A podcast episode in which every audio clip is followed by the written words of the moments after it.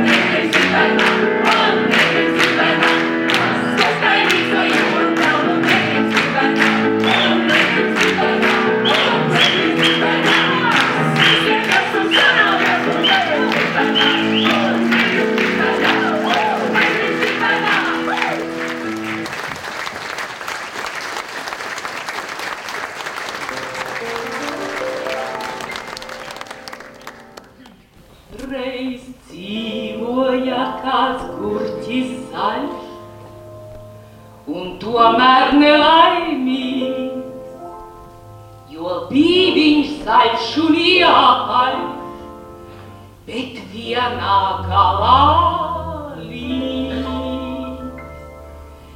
Vai tas var būt, vai tas var būt, ka bija viņš zaļš un jāpaļš, vai tas var būt, vai tas var būt, ka bija viņš zaļš un jāpaļš, un dārznieks dara, ko tik var, viņš piesien to un bet kurķi nevar izlabot, kāds bija tāds paliek ār. Vai tas var būt, vai tas var būt, ka kurķi nevar izlabot, vai tas var būt, vai tas var būt, ka kurķi nevar izlabot, tos taisnos kurķus tirgu ved un pārdot pilsoņiem, bet līko pāri sēdai met par pamācību tiem. Vai tas var būt, vai tas var būt, ka līko pāri sēdai met, vai tas var būt, vai tas var būt, ka līko pāri sēdai met.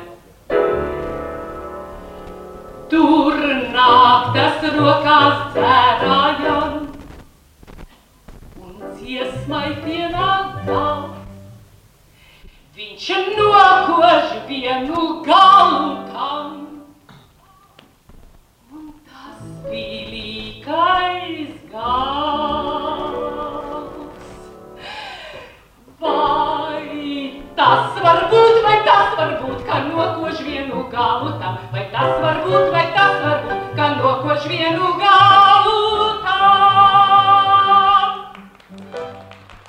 Labdien!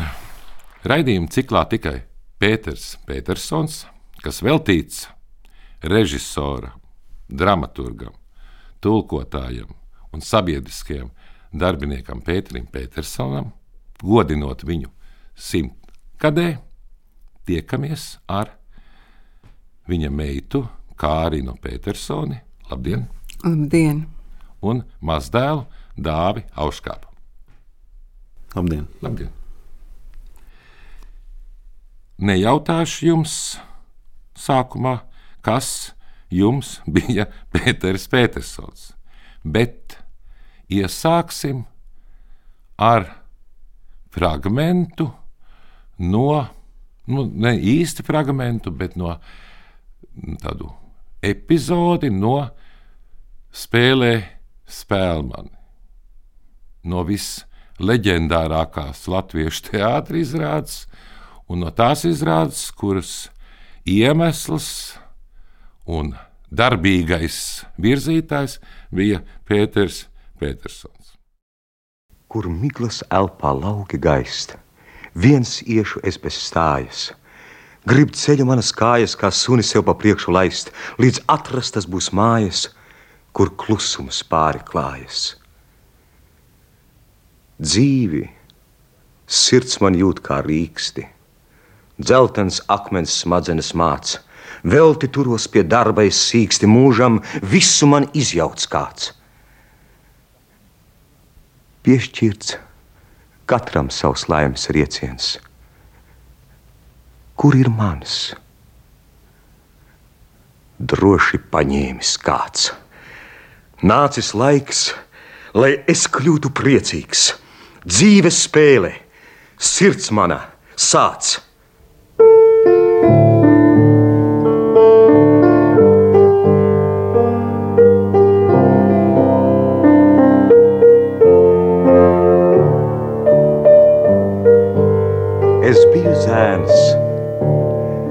Es biju mazs un priecīgs.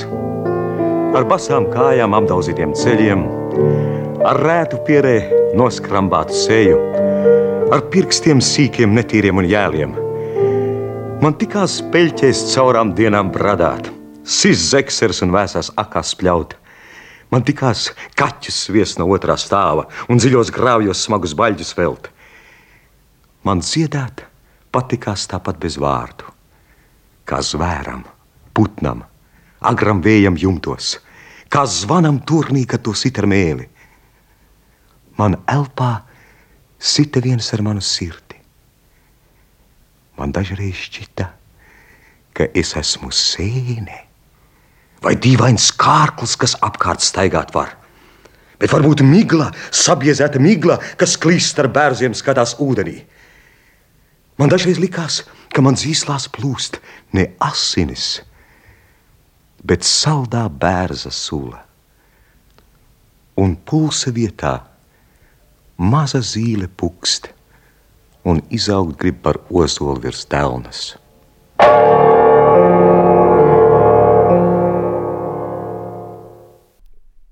Izcili imants krastīņš. Faktiski šajā čaka rindās, kas ir saglabāts no spēlē, spēle mani 25 gadus jubilejas, kur arī Petersons pats jā, runāja. Nu, tā kā iezīmēs viss viņa dzīves gājums, Kārina. Jā, nu, kas ir ļoti interesanti, tā simts gadi, tāds pamatīgs cipars, bet kaut kā mm, Runcis ir tik ļoti klātesošs vēl šobrīd visā mūsu dzīvē, un, un vienkārši tās sajūtās, un, un tā kā viss joprojām cenšamies ar viņu samērot un kaut kā. Tā, es pat par to brīnos, cik ļoti manā dzīvē ir vecāki kopumā, un īpaši runas ir klātesošs. Bet, nu, protams, nu, viņš jau bija ļoti neordinārs cilvēks. Viņš bija vesels kosmos, un uh, viņam bija apbrīnojams darba spējas. Viņam tās dienas bija nenormāli ietilpīgas, un ko tik visu viņš savā mūžā nespēja izdarīt. Tā var pabrīnīties. Tie ir tikai 75 gadi, un tik daudz kas ir noticis. Un, un tādas, uh, tiešām pamatīgas un, un lielas lietas. Bet nē, nu, mums jau ģimenē nu, mēs bijām tā teikt. Es kādreiz tā saku, ir cilvēki, kas ir pārdzīvojuši karu vai kā. Es saku, nu, neraugoties uz to, ka tas bija otrais pasaules karš, nu, mums bija kaut kāda bērnība. Ja? Nu, es varu teikt, līdzīgi par Petersonu. Kaut arī mans tēvs bija Pēters Petersons, nu, bija man arī gan bērnība, gan jaunība, gan, gan atmiņas par, par, par, par skaistiem brīžiem, un, un Ziemassvētkiem un ģimenes notikumiem. Un tā, un, nu, tāpat jau dzīvojām arī tādu, tādu dzīvi. Bet, nu, es domāju, ka par vecākiem jāsaka, viņi nenodarbojās. Man bija brālītis, un viņš agrāk gāja bojā, bet vecāki nenodarbojās ar mūsu audzināšanu. Viņi dzīvoja savu ļoti ietilpīgo un steidzīgo dzīvi, un mums kaut kā bija jāatrod tā dzīvē vieta un jāsaprot, kā vispār pasaule darbojās, skatoties to viņa dzīves modeli. Bet laikam visvairāk es varu pateikties Runcim par to, ka viņš ļoti daudz no manis sagaidīja un nekad to neslēpa. Laikam tas viņa ļoti augstie uzstādījumi kaut ko beig beigās arī ir, ir dzīvē devuši. Tas, tas būtu tā ļoti īsos vārdos. Jā, un dāvi kā arī dēvēja viņu par unci. Jā, jā, protams. E, nu, es varu teikt, līdzīgi man arī runas ir bijis vienmēr tā, tā virsotne un tā latiņa, uz ko tiekties, ko nekad nevar aizsniegt, bet nu, viņi tur ir. Un, un, un viņi ir ļoti dziļus uz priekšu. Arī bieži likusi nu, justies varbūt netik vērtīgam, bet nu, tas jau ir labs tāds um, nu, dzinējspēks. Nu, uh, ja mamma teica, ka viņš vecāk ar viņas um, audzināšanu nenodarbojās, tad es varu teikt, ka man gan viņa diezgan daudz audzināja. Nu, Nora, vairāk, bet Runčs tā, tā epizodiski pieslēdzās tam, bet, bet nu, viņš, viņi sauc mani par pirmdzimto, un tad es arī tur saņēmu savu savu daļu no tā, bet eh, nu, katrā ziņā eh, vienmēr tas, ehm, tas tā viņa zvaigzne bija un ir manā dzīvē. Jā, mums ir um, muzejā tā tagad izstādē tā fotografija, kur Kārina ir um, pie galda un runcis, nu, Pēters Petersons. Jums runas vienmēr ir sakājis, viņu kā Petersons sauc, un kaut ko māca rakstīt vai lasīt. Un ir arī kaut kur tāda fotografija, kur tu brīvdabā sēdi klēpī. Ja? Nu, tā ir tāda, nu, tāda, tāda līdzīga. Pie tā paša galda ir. Pie tā paša galda. Arī ar mani Petersona rakstām. Un ar Dāvītu. Un kaut kā nav ne ar Uģīti tādā veidā, ne ar Tomu naudas. Tieši mēs ar Dāvu esam. Nu, jā. un īsnībā jau neko tā patiesības labad jāsaka, ka es ļoti agri, Dāvids arī divu gadu vecumā sāk jau lasīt un trīs gadu vecumā rakstīt, un man tāpat gājas ļoti agri to visu darīju, mēs tur vienkārši bija tāds fotografēšanās moments un drusku papozējām, es kaut ko tur rakstu uz kādas lapiņas. Tā à, tikai papauzējāt. Jā. jā, jā, mēs tā drusku papauzējām. Skaidrs. Nu, jā, bet tā kā ieminējāt, jo vajadzētu jau tomēr arī pateikt par Jūliju Petersonu. Protams, um, padomu laikā augušie un izglītojušies cilvēki nav dzirdējuši Juliju Petersonu vārdu, bet uh, viņam ir diezgan ievērojama vieta tajā pirmskara Latvijas dzīvē un sabiedrībā. Viņi ir ģimene, kuriem ir ļoti plašs uh, draugu lokus, kur savu māju atver ļoti plašai sabiedrībai. Viens no tuviem draugiem bija Gustavs Zemgals, prezidents, viens no arī tādiem runču krustāvs, arī tas īstais krustāvs, nu, kristītais krustāvs bija pilsētas galva Andersons. Edvards Smilģis bieži viesojās un arī apmetās Petersona mājā. Viņi rīkoja milzīgas viesības vienmēr pēc pirmizrādēm, un viesu grāmatā var atrast visus tā laika literātus. Es pat nevaru visus viņus minēt. Un tā. Un uh, es tā jūtu, ka Runča dzīvē viņam pat ir tāds raksts uh, no tēva, gūtais ar vien uh, būtiskāks manā dzīvē.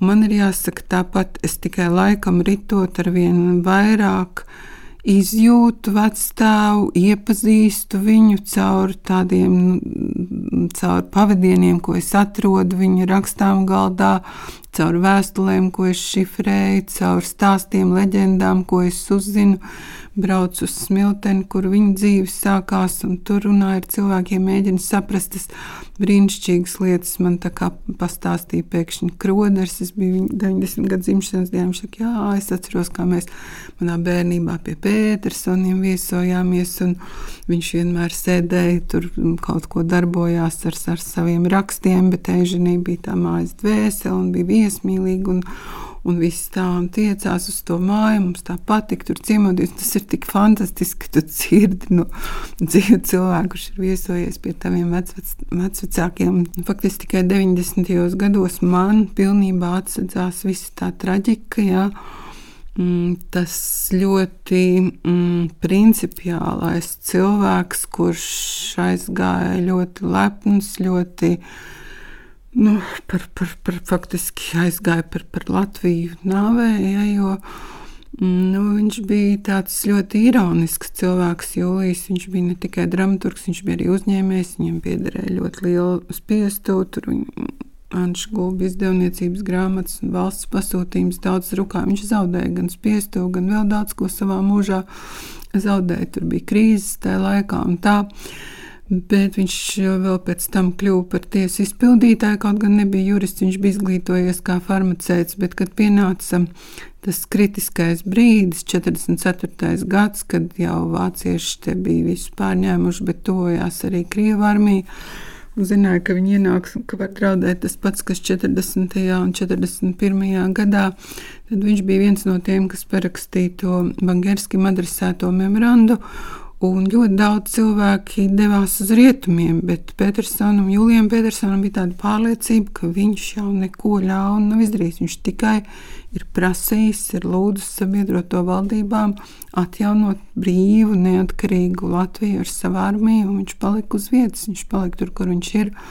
Nu, diemžēl, kad Krievija nāca, tad nu, otrajā nedēļā viņu apcietināja. Viņš nonāca Čekā, un tur bija viņam kameras biedrs, kas stāstīja, ka Viņš nav atbildējis uz pratināšanā uzdotiem jautājumiem, bet viņš ir kamerā sēžot, labā krievu valodā uzrakstījis tādu savu krēdo, parakstījis un iedevis tur, kas būtībā ir tā paša membrāna, tikai nu, tāda krieviska versija par Latviju, kādu viņš redz un kādu viņš vēlas un pacelt galvu devies uz Sibīriju. Bet, diemžēl viņš bija tādā rezignācijā, viņš nespēja pieņemt to, to padomju iekārtu, un viņš pilnīgi atteicās no ēdiena. Viņš mirst badā Krasnojarskā, tas bija 45. gads.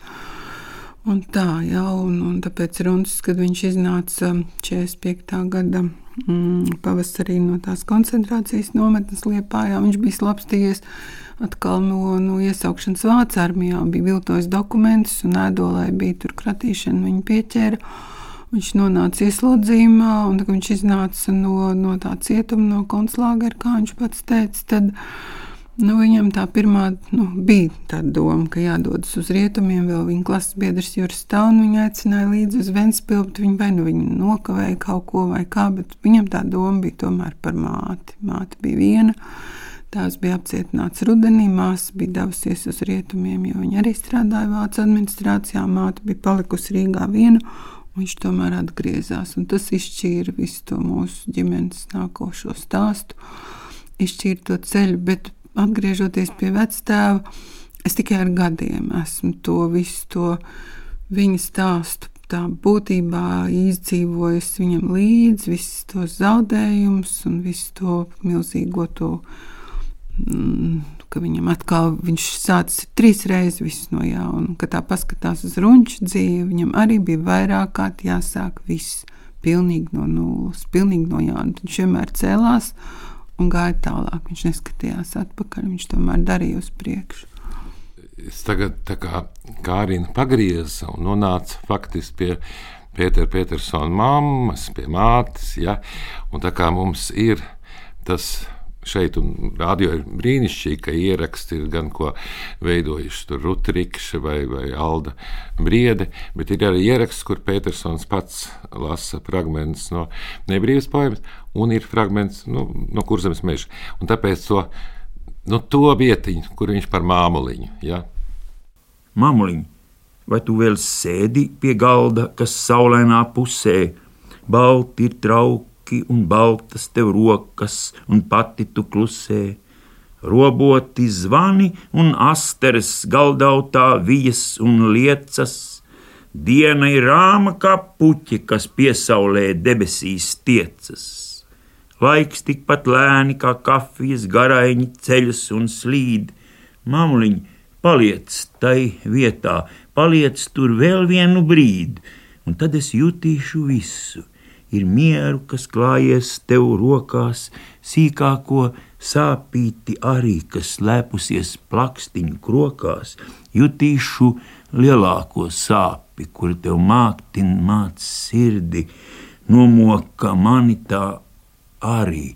Māmuliņ, dzirdi, jau dzirdi, paliec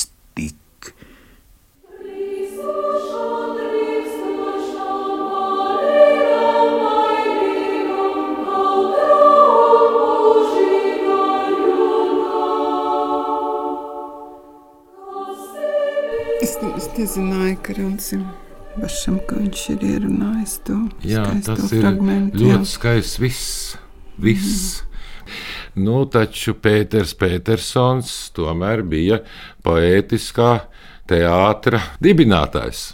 Domāju, ka Runsim tas bija nu, vispareizākais veids, kā izteikties, jo tas ir dzēja, poēzija, ir uh, ju, jūt tekliska, viņa ir ļoti tāda gaisīga. Nu, tur ir daudz um, smalkākas vibrācijas. Un es domāju, Runis bija ļoti emocionāls. Lai gan viņš to slēpa zem savas tās uh, ironijas, mūžīgās, bet um, es domāju, tas bija viņam īstais izteiksmes veids. Nu, jā, viņš to nu, tomēr daudzkārt ir atkārtojis un, un, un teicis, un arī ierakstos, un tā, ka viņam bija nepieciešama arī tā, tā, tā, tā zīmju valoda, arī tā metāfora, arī tas, tas vispārnājums, tā, tā neobligāta skaidrība, kāds pat viņam kādreiz pārmet par to. Ja, ja. Bet uh, tas poetiskais teātris, un kā arī jau to noteikti zina, tas īsti sākās Dailas teātrī. Varbūt ātrāk domās, idejās, bet motocikls jau ir. Redziet, Petersonam bija ļoti svarīgi to attīstīt. Viņš Dēls teātrī, protams, viņš bija smilģi krust, krustdēls un skolnieks. Ļoti lielā mērā viņš turpināja to smilģi līniju, bet tikai pilnīgi savā veidā ar viņš mēģināja atkodēt vairāk savu laiku, jaunu laiku, jaunu cilvēku, jaunos apstākļos. Un viņš atrada tādu metodi, kas viņam ļāva ļoti precīzi uztvert laikmetu vibrācijas un cilvēku personībā tos tā brīža pretrunas, konfliktus. Uh, visu to, kas sabiedrībā murdēja, tādās viņš tā kā minēja, atminēja to savu laiku, un viņš to metodi. Uh, viņš pirmkārt viņu pieteica ar nu, teātrī, viņš jau to jauno laiku pieteica ar priedes lugām. Bet par to mm, atgriežoties pie 60. gada sākuma, kad tapa mm, iecer par motociklu, tad Runcis ziedoņa dzējā tajā uh, tur nav tikai tas poetiskā vērtība. Viņš dzējas tēlos, tajā liriskajā varonī un dzējas um, sižetos uh, atrada slēpto laikmeta konfliktu, ko viņš caur to dzēju uzlika.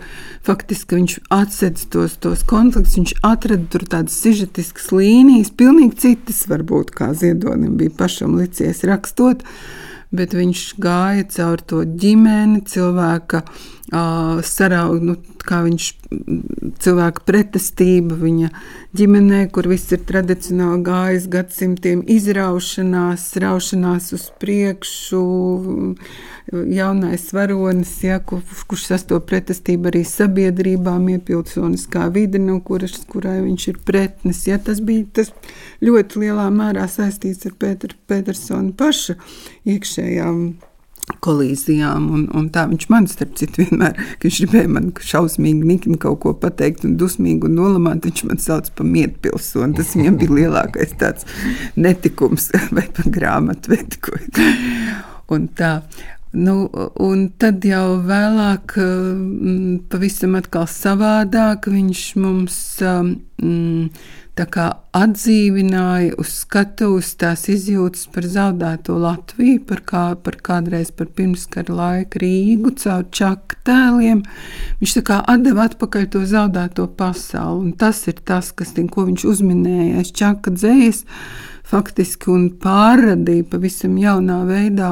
Es tā vienmēr esmu mēģinājis saprast to suģestijas spēku, nu, kas tajā spēlmenī bija tas, jā, ka viņš par jaunu atdeva cilvēkiem ilgas pēc, viņi tur redzēja savu Latviju zaudēto un atkal atz, atzīva, atzīma tās ilgas vēlreiz to piedzīvot kaut kādā jaunā veidā. Un, Jā, un tas ir ārkārtīgi interesanti redzēt tajā, tajā mums ir ierakstā, kur viņš saka arī par ieceru motociklā. -hmm. ja, un ir arī tas, kurā viņš tajā pašā mm, sarīkojumā toreiz ja, tajā 97. gadā, ka viņš stāsta, kā tā, tā spēle, man radās mm par pūci un vispārējo. Jā, Zinu jā, to stāstu. Jā, nu, protams, jā. taču es skatījos arī... uz to pūci, viņi tur aiz mani lokas. Jā, nu, jā, un es tā kā gribētu tomēr, lai viņš, lai, tā, bišķi, nu, tomēr, lai dzird arī dāvs, un lai klausītāji dzird, ja, kā, kā viņš iecerēja īsi Reinim Ādmīdiņam, un arī viņa balss skanēs tagad, ja, saka par ieceri Un tad arī mm, mazliet vēl pie motocikla eh, viens fragments, kā viņš stāsta, kā Imants Kalniņš radīja muziku. Studijai Pēters Petersons. Nu, cienījamie mākslinieki, varbūt jūs varētu pastāstīt savus atmiņas par to, kā radās iecerē veidot šādu uzvedumu, poetisko teātri Latvijā.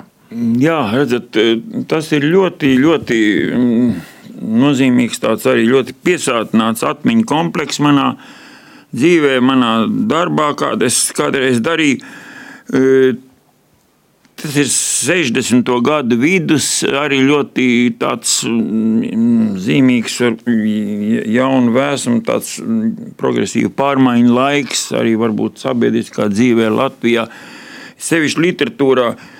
Un toreiz bija tā, par ko es esmu bieži arī atgādinājis, un arī šodien vēl par to domāju, ka dzēja gāja priekšgalā. Šī plējāde, kas toreiz ar Ojāru Vācieti, kas jau bija mazliet jau solis pērs pirms tam, un tālāk ar Imantu Ziedu un Mārtu Čaklo, ar Imantu Auziņu, Vizu Belševicu, Lī Brīdaku, un viss vis šī plējāde, šī paudze, kas ienāca, Un situācija bija tāda, ko es ļoti asi izjūtu tieši teātrī strādājot, ka dzēja gāja krietni vien pa priekšu. Gāja tālāk, dziļāk, drosmīgāk, iespaidīgāk nekā to tajā laikā veica arī tiksim, kaut vai dramaturģija, kas tieši ar teātru bija saistīta, nu, un arī, protams, proza par to varētu to pateikt, lai gan tur arī bija, bija pozitīvas iezīmes. Dzēja bija, tomēr, tas, tas, tas, tas, tas avangards tādā visdziļākā nozīmē. Tā bija Imants Kalniņa pirmā skatuves mūzika. Un, un Imants Kalniņš, manuprāt, nu, fantastiski labi uzrakstīja to mūziku. Tā jau dzīvo pilnīgi tā, bez tās Imants mūzikas, tās izrādes ar nebūtu. Es vēl šodien visas tās, tās, tās meldiņas jūtu iekšā, es pārlasot man iekšā sāk iekšā vibrēt, dungot šīs, šīs, šīs, šīs, šīs. Tur bija fantastisks lietas ar to Imantu toreiz arī. Viss tas, kā, kā viņš, viņš tā, to, to materiālu bija devis, bet instrumentēts tas īsti nebija. Un tad bija tas te rāģefonā mēs vienā no zālēm, tie sanāca kādi pieci vīri, tie instrumenti, kas viņam bija vajadzīgi, un, tie, un tad viņš viņiem izdeva uz tādām kā nezinu, kādām cigarešu paciņu vākiem, tādas pāris tēmas, tu spēlē to, tu spēlē. Tad pats viņš tur atķērās pie, pie kaut kā, laikam pie, pie, pie vai nu pie, pie, es nezinu, vai tas bija sintetizators vai tāda toreiz bija, nu katrā ziņā tā bija klaviatūra. Un, un, un tad viņi tur rā, rā vaļā tos pie pavadījumus, vai ne? Un, un tad atkal tā bija. Mums tur bija tāda ļoti spēcīga, tur bija ļoti emocionāli spēcīga vecāka nāve. Mums bija tāda epizode. Tur, im, tur bija lūgts no imanta astoņu minūšu garu tādu, nu, tādu piesātinātu latviešu tādu, nu, kad aiziet mūsu vecā paudze. Tas viss runā par laukiem, par visu. Un viņš to tā bija mūsu teātrī nospēlējis uz klavieriem, protams. Un tā, un mēs jau tā bijām tur. Un tagad tas ir jāieraksta. Nu, saku, tagad, tagad mēs rakstām, un es ar chronometru sekoju. Nu, viņi beidz, vai es saku, ir iznācis 8 minūtes un 15 sekundes. Tas ir pat. Es saku, bet tu neuztraucies, ja man mēs, es piepildīšu to ar darbību. Ir ļoti labi, atstāsim, kā bija. Nē, nē, nē, nē, nē. rakstīsim vēlreiz. Imants saka, labi, nu, kad ja viņš grib rakstām vēlreiz. Viņš raksta vēlreiz, un es klausos, pilnīgi cita muzika. Tad, tad jūs saprotat, dzīva improvizācija. Viņš uzrakstīja 8 minūtes, nu, nu, to pašu tēmu, ja, bet pilnīgi citā apdarē un ar citām variācijām. Redziet, nu, nu, tas, ir, tas ir radošs darbs. Ja. Jā, jo, jo tas ir ārkārtīgi interesanti. Tieši šis stāsts, jo process, Petersons jā. jau daudz lietas ārkārtīgi arī ilglaicīgi un varēja restaurēt un atstāstīt. Tas nav tieši tajā brīdī, ja? bet ir. Un par to Imants Kalniņš arī. Un mums ir ieraksts kādreiz kaut kur bija dzirdēts, ka ir saglabājies šeit, šī studijā ieraksts. Bet mums ir viens cits instrumentāls, ja? nu, paklausīsimies to instrumentālo.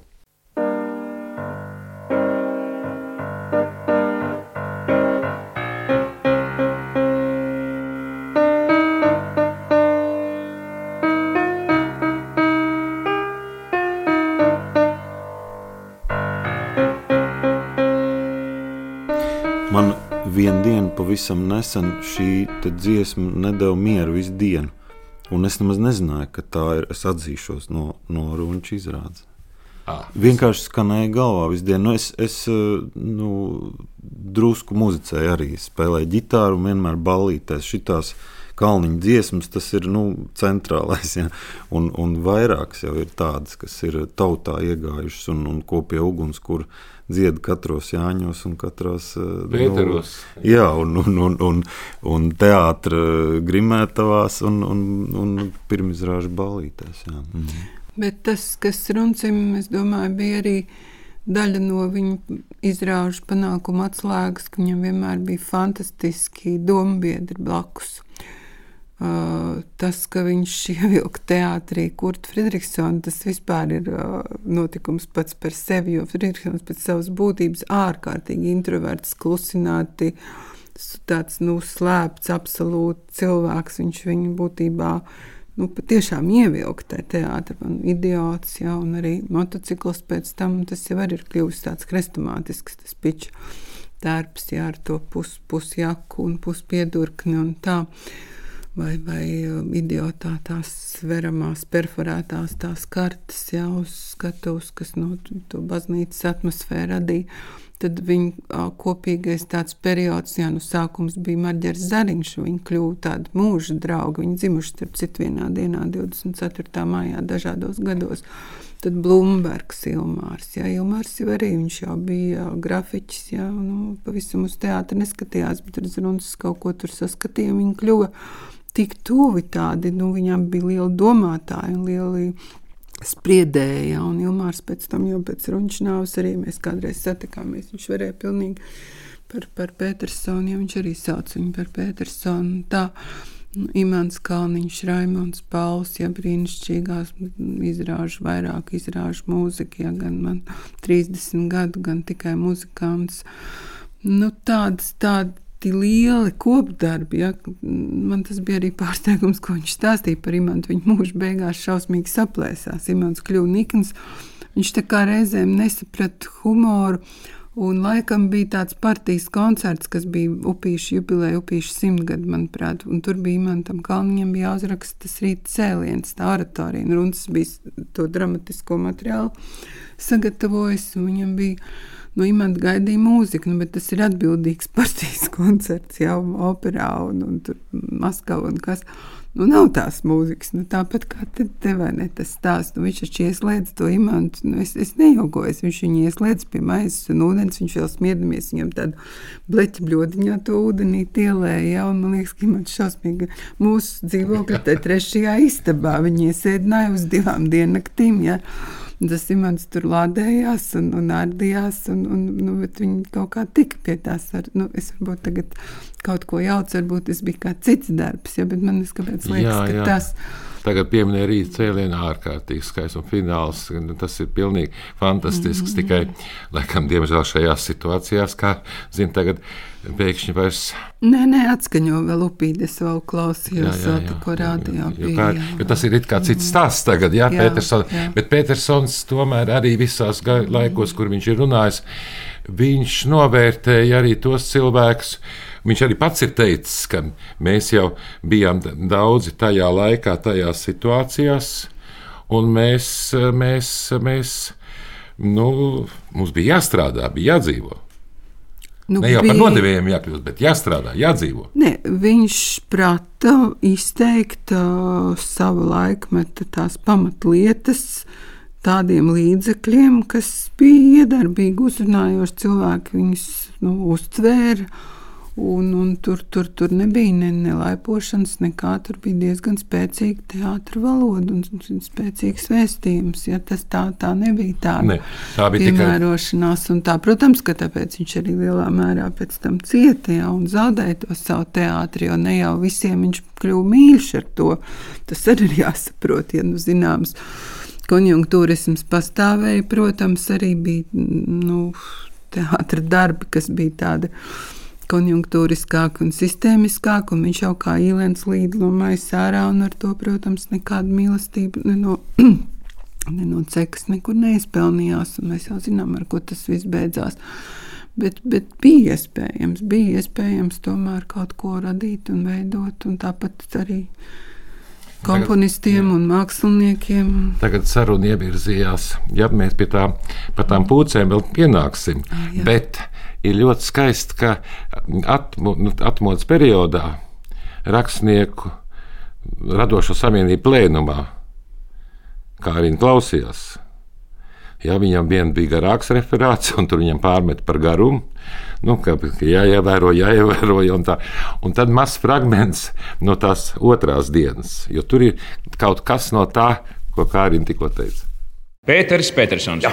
Visi vārdi ir izrunāti, un tomēr man gribas vēl vienu reizi teikt, kā jau to pateica Inkēns.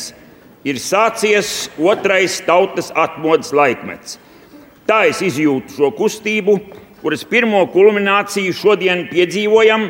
Es esmu lepns, ka man ir lemts strādāt kopā ar cilvēkiem, kas to vada. Un es aicinu sabiedrību uz uzticēšanos un saliedēšanos ap viņiem. Aicinu gan republikas vadību, kuru pirmo reizi savā nepārāk īsajā mūžā redzu, uz šādu sanāksmu atnākam ne lai pamācītu, bet lai mācītos. Pirmo reizi redzu, paliekam līdz sanāksmes beigām uzticēties un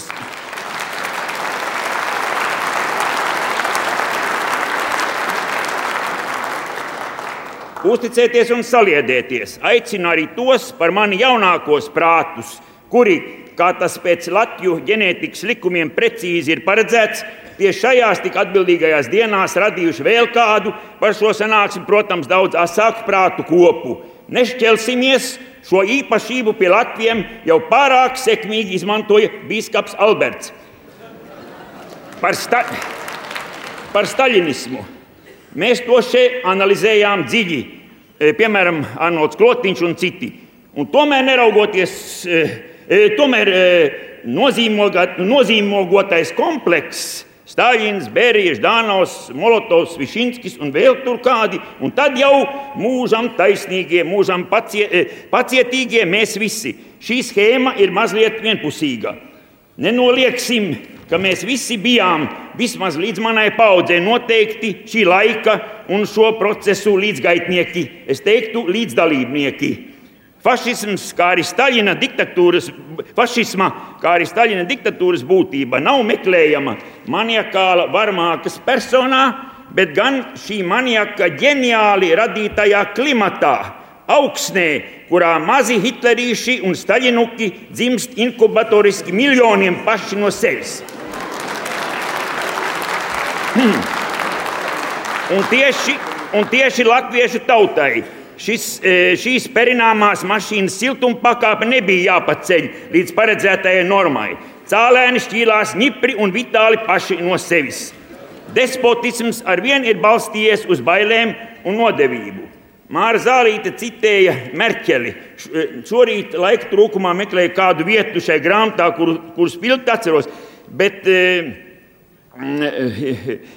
bet izlapojis neatradu, citēšu pēc atmiņas. Tas ir, ļoti, tā ir kāda, kādas ļoti būtiskas latviešu rakstura īpašības uzskicējums, novērojums par zemnieciņu, kas vēl pirms kāds aizdomīgs nodarījums beidzies, jau steidzies uz mūžu par to paziņot, lai būtu pirmais. Nu, ārkārtīgi nu, asi. asi jā. nu, tas bija viņa stils un veids. Jā, nu, viegls jau viņš nebija tādā cilvēciskajā sas, saskarsmē, bet atkal nu, tas, tas personības lielums bija tas, kur dēļ varēja tā. Nu, tos personiskos kniebienus kaut kā tā paciest un piedot, bet nu, bija cilvēki, kas nepiedeva, bija cilvēki, kas to tā sāpīgi izjūt. Un, un tā interesanti. Ne, nu, Rasim, nu, viņam, viņam bija ironija un, un tā. Interesanti ir, tad, kad es kļuvu par, par ministru, vecāki jau bija miruši. Ļoti daudz cilvēku atnāca pie manis tā meklēt tādu izlīgumu no tiem, kas, kurus nu, viņš patiešām bija aizvainojis. Es, es neslēpšu, ja bija, bija cilvēki, ja, kurus viņš bija atbrīvojis no darba teātrī un, un tā, un arī tādi varbūt netik talantīgi režisori. Un, Un patiešām tie bija tādi skaisti tikšanās mirkļi, kad mēs ilgi sēdējām un runājām. Un patiešām man liekas, ka tie cilvēki aizgāja ar tādu sajūtu, ka viņi ir izlīguši arī ar, ar Petersonu, ne tikai izrunājuši to ar mani.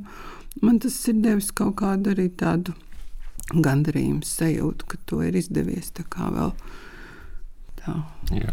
Un klausoties šo tādu Petersona pazini. nu, šajā fragmentā varēja just, cik daudz viņš grib pateikt ļoti īsā, koncentrētā veidā. Un es eh, sajūtu arī to, ko es nu, jūtu, piemēram, visu bērnību. Jo mm, nu, man bija bērnībā divas pasaules. Ehm, tēva vecāku mājās par šīm lietām nerunāja.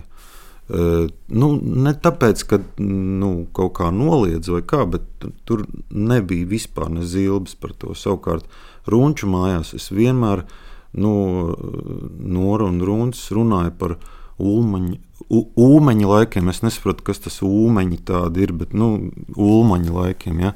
un, un par kaut ko, ko īsti nevarēja saprast.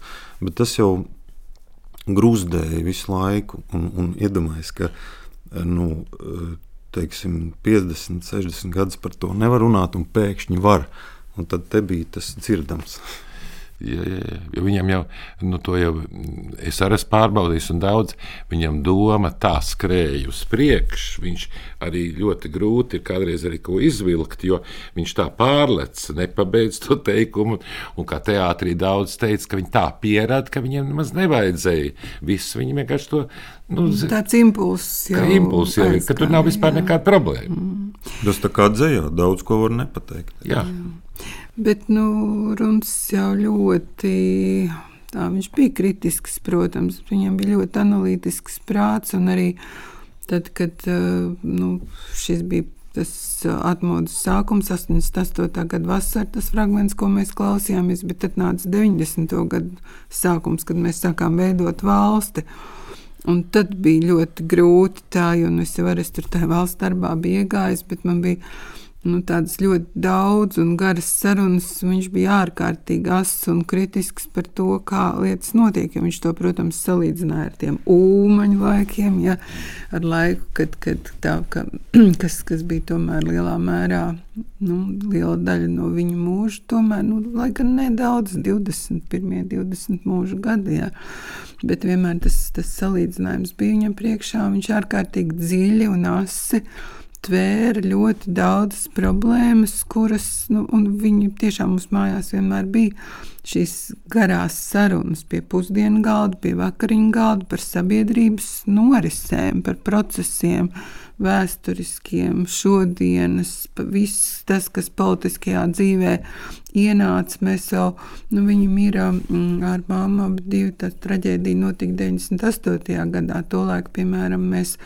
mm, bija pozicionēšanās eh, politiskajā vidē par vai pret eh, iestāju Eiropas Savienībā, un bija Latvijas ceļa rosinātais referendums, kurš tā kā vinēja.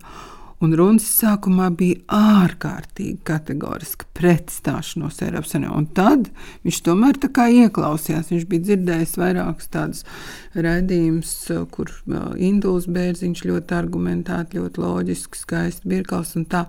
Bet mums bija tik astrīts apšciemā par šo tēmu, ka mēs divas nedēļas pārtraucām sarunāties, jo es biju par to Eiropas. Un, tad, un jūs varat iedomāties, cik traki būtu bijis, ja viņi būtu aizgājuši mūžībā, un mēs būtu palikuši tā. Paldies Dievam, bija mammas dzimšanas diena. Viņa aizgāja, paps arī aizgāja uz referendumu, nobalsoja par, protams. Ja, nu, pēdējā brīdī viņam nokrita tas.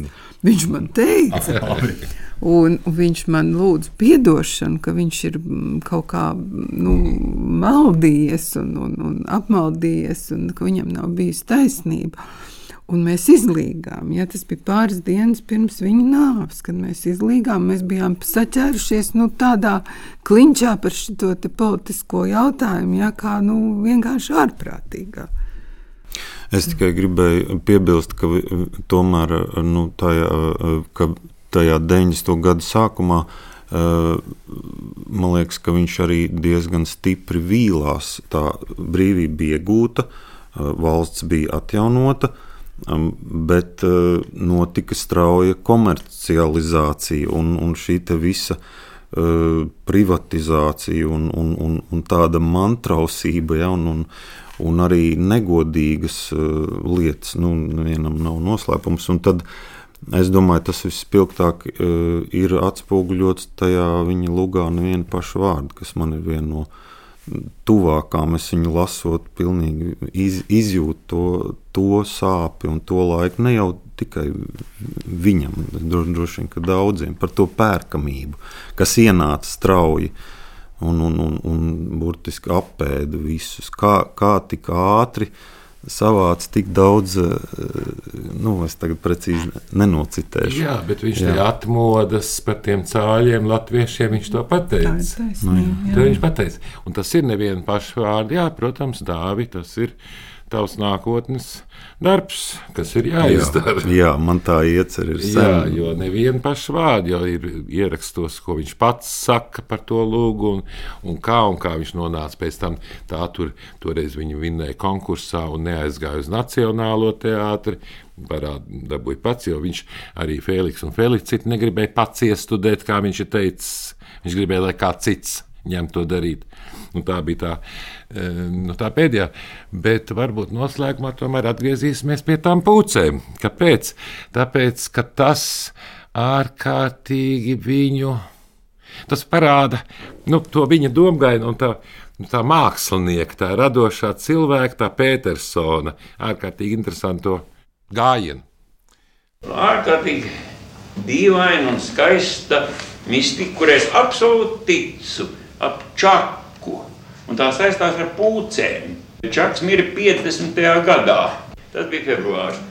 Čaks tika apglabāts tur, tai ir lokā, tas ir aiz Raiņa, ja tur tāds grupējums vēl ir, tur ir daudz apmēram dzeniku. Un to mēs kā šodien atceramies, viss, kas tur bija, un par to rakstnieks ka viss, viss apbedīšanas laikā, kad čaks tieši tiek aprakts tik tieši, ja, šajā mazā teritorijā, vienā priedē uz zara bija pūce nosēdusies. Pūce. Ziemā, es nezinu, es neesmu ornitologs, bet kaut kas tur nav īsti kārtībā. Un viņa sēdēja un palika tur, kamēr dzēnieks tika aprakts. Un zem tās pūces bija mans draugs un kolēģis Gunārs Cīruls bija stāvējis. Un viņa tā bija tā Viņi viņam atstājuši uz pleca, vai viņai nepatīk, kad viņš tieši tās vriedas stāv, vai kā tas viss tā toreiz bija.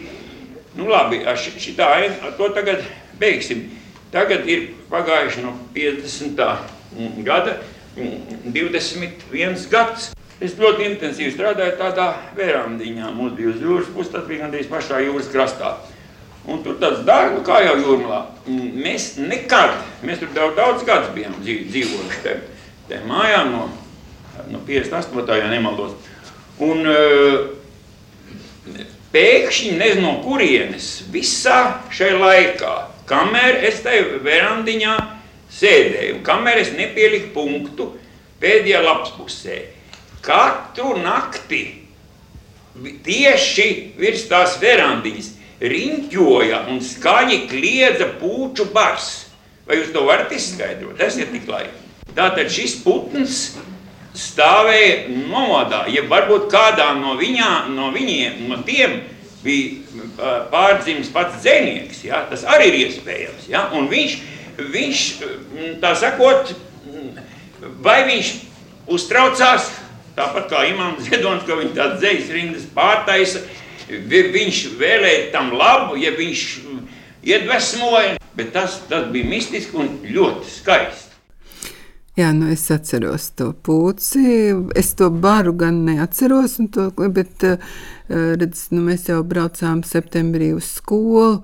Un runas palika vēl līdz oktobrim, ja nemaldos, vēl strādāt. Viņš droši vien pieredzēja vairāk puču, bet mans, mans istabiņas lokus arī izgāja uz tām divām eglēm, kas bija pie tās verandas. Tur es atceros to puču siluetu tajā vasarā, kad runas strādāja. Un tiešām nekad pirms tam un nekad vairs pēc tam es neesmu mūžā vispār redzējis vairs pūci dzīvu kokā. Ja? Viņi tur bija. Un taču tā mistika vēl nav beigusies. Nu, mēs taču dzīvojam tajā dzīvoklī, kur, kur Čakas aizgāja mūžībā 50. gada februārī. Un, un, un vispār nu, tas ir tā ļoti, ļoti dīvaini. Tā. Man mamma stāstīja to kādreiz, un es tā bērns būdam, nu, jā, nu, čakiņš te un tā, un es te nācu pie mildiņas un vāķēju čakiņu, tad mēs viņu uzlikām tur uz durvīm un nolikām te. Es, es tā kaut kā nepievērstu tam visam uzmanību, un tā, ka mammas vairs nebija, es sāku šķetināt visus tos stāstus, atbeigās es uzaicināju Mildas Grīnfeldas meitu, un tad viņa man parādīja, jā, te stāvēja gulta, te mēs noguldījām čaku, izsaucām ārstu un tā un tā un tā, un pēc divām nedēļām. Tā kā nu, tādas, tādas mistiskas lietas tiešām ir notikušas ar saskarē ar čaku. Jā, nu tas bija stāsts, kā, kā radās, kas palīdz strādāt. Dāvi, pareizi. Mm. Jā, jā. Ja, nu, es, es diezgan bieži esmu jutis to uh, mistisko arī runču pieskārienu pēc viņa aiziešanas, bet nu, es laikam kaut kādā brīdī arī apzināti esmu uh, sācis tomēr iet citu ceļu. Jo, jo tā, nu, tas, tur ir kaut kāda robeža. Jo, jo vienā brīdī man bija tāda sajūta, ka ir jāturpina tas, bet, bet tad es uh, nu, intuitīvi sapratu, ka, ka tas, tas būtu uh, nu, tik spēcīgs tas, tas iespējas, bet es tomēr sapratu, ka es nevaru uh, dzīvot viņa dzīvi, man ir jādzīvo sava. Ja? Nu, tā, nu, bet, bet tādas lietas noteikti es jūtu uh, bieži. Ja? Nu, tagad, kad tuvojās tā simtgade, protams, es biju atlikusi visus darbus malā, jo ļoti daudz cilvēku interesējās par manuskriptiem, par atsevišķiem materiāliem, par fotografijām. Es tiešām biju izbrīvējis laiku. Lai pilnībā pievērstos uh, Petersona arhīvam, šo to ierakstīju datorā, un tā un bija tik daudz uh, fantastisku tādu sakritību, tādu, nu, ka papīrs uzpeld tieši 15 minūtes pirms tas cilvēks nāk. Un es pat reizēm nezinu, uzspēlēt kaut kas tāds, ka es nezinu, ka man tūlīt zvanīs un to prasīs, bet es kā kaut ko pakārtoju.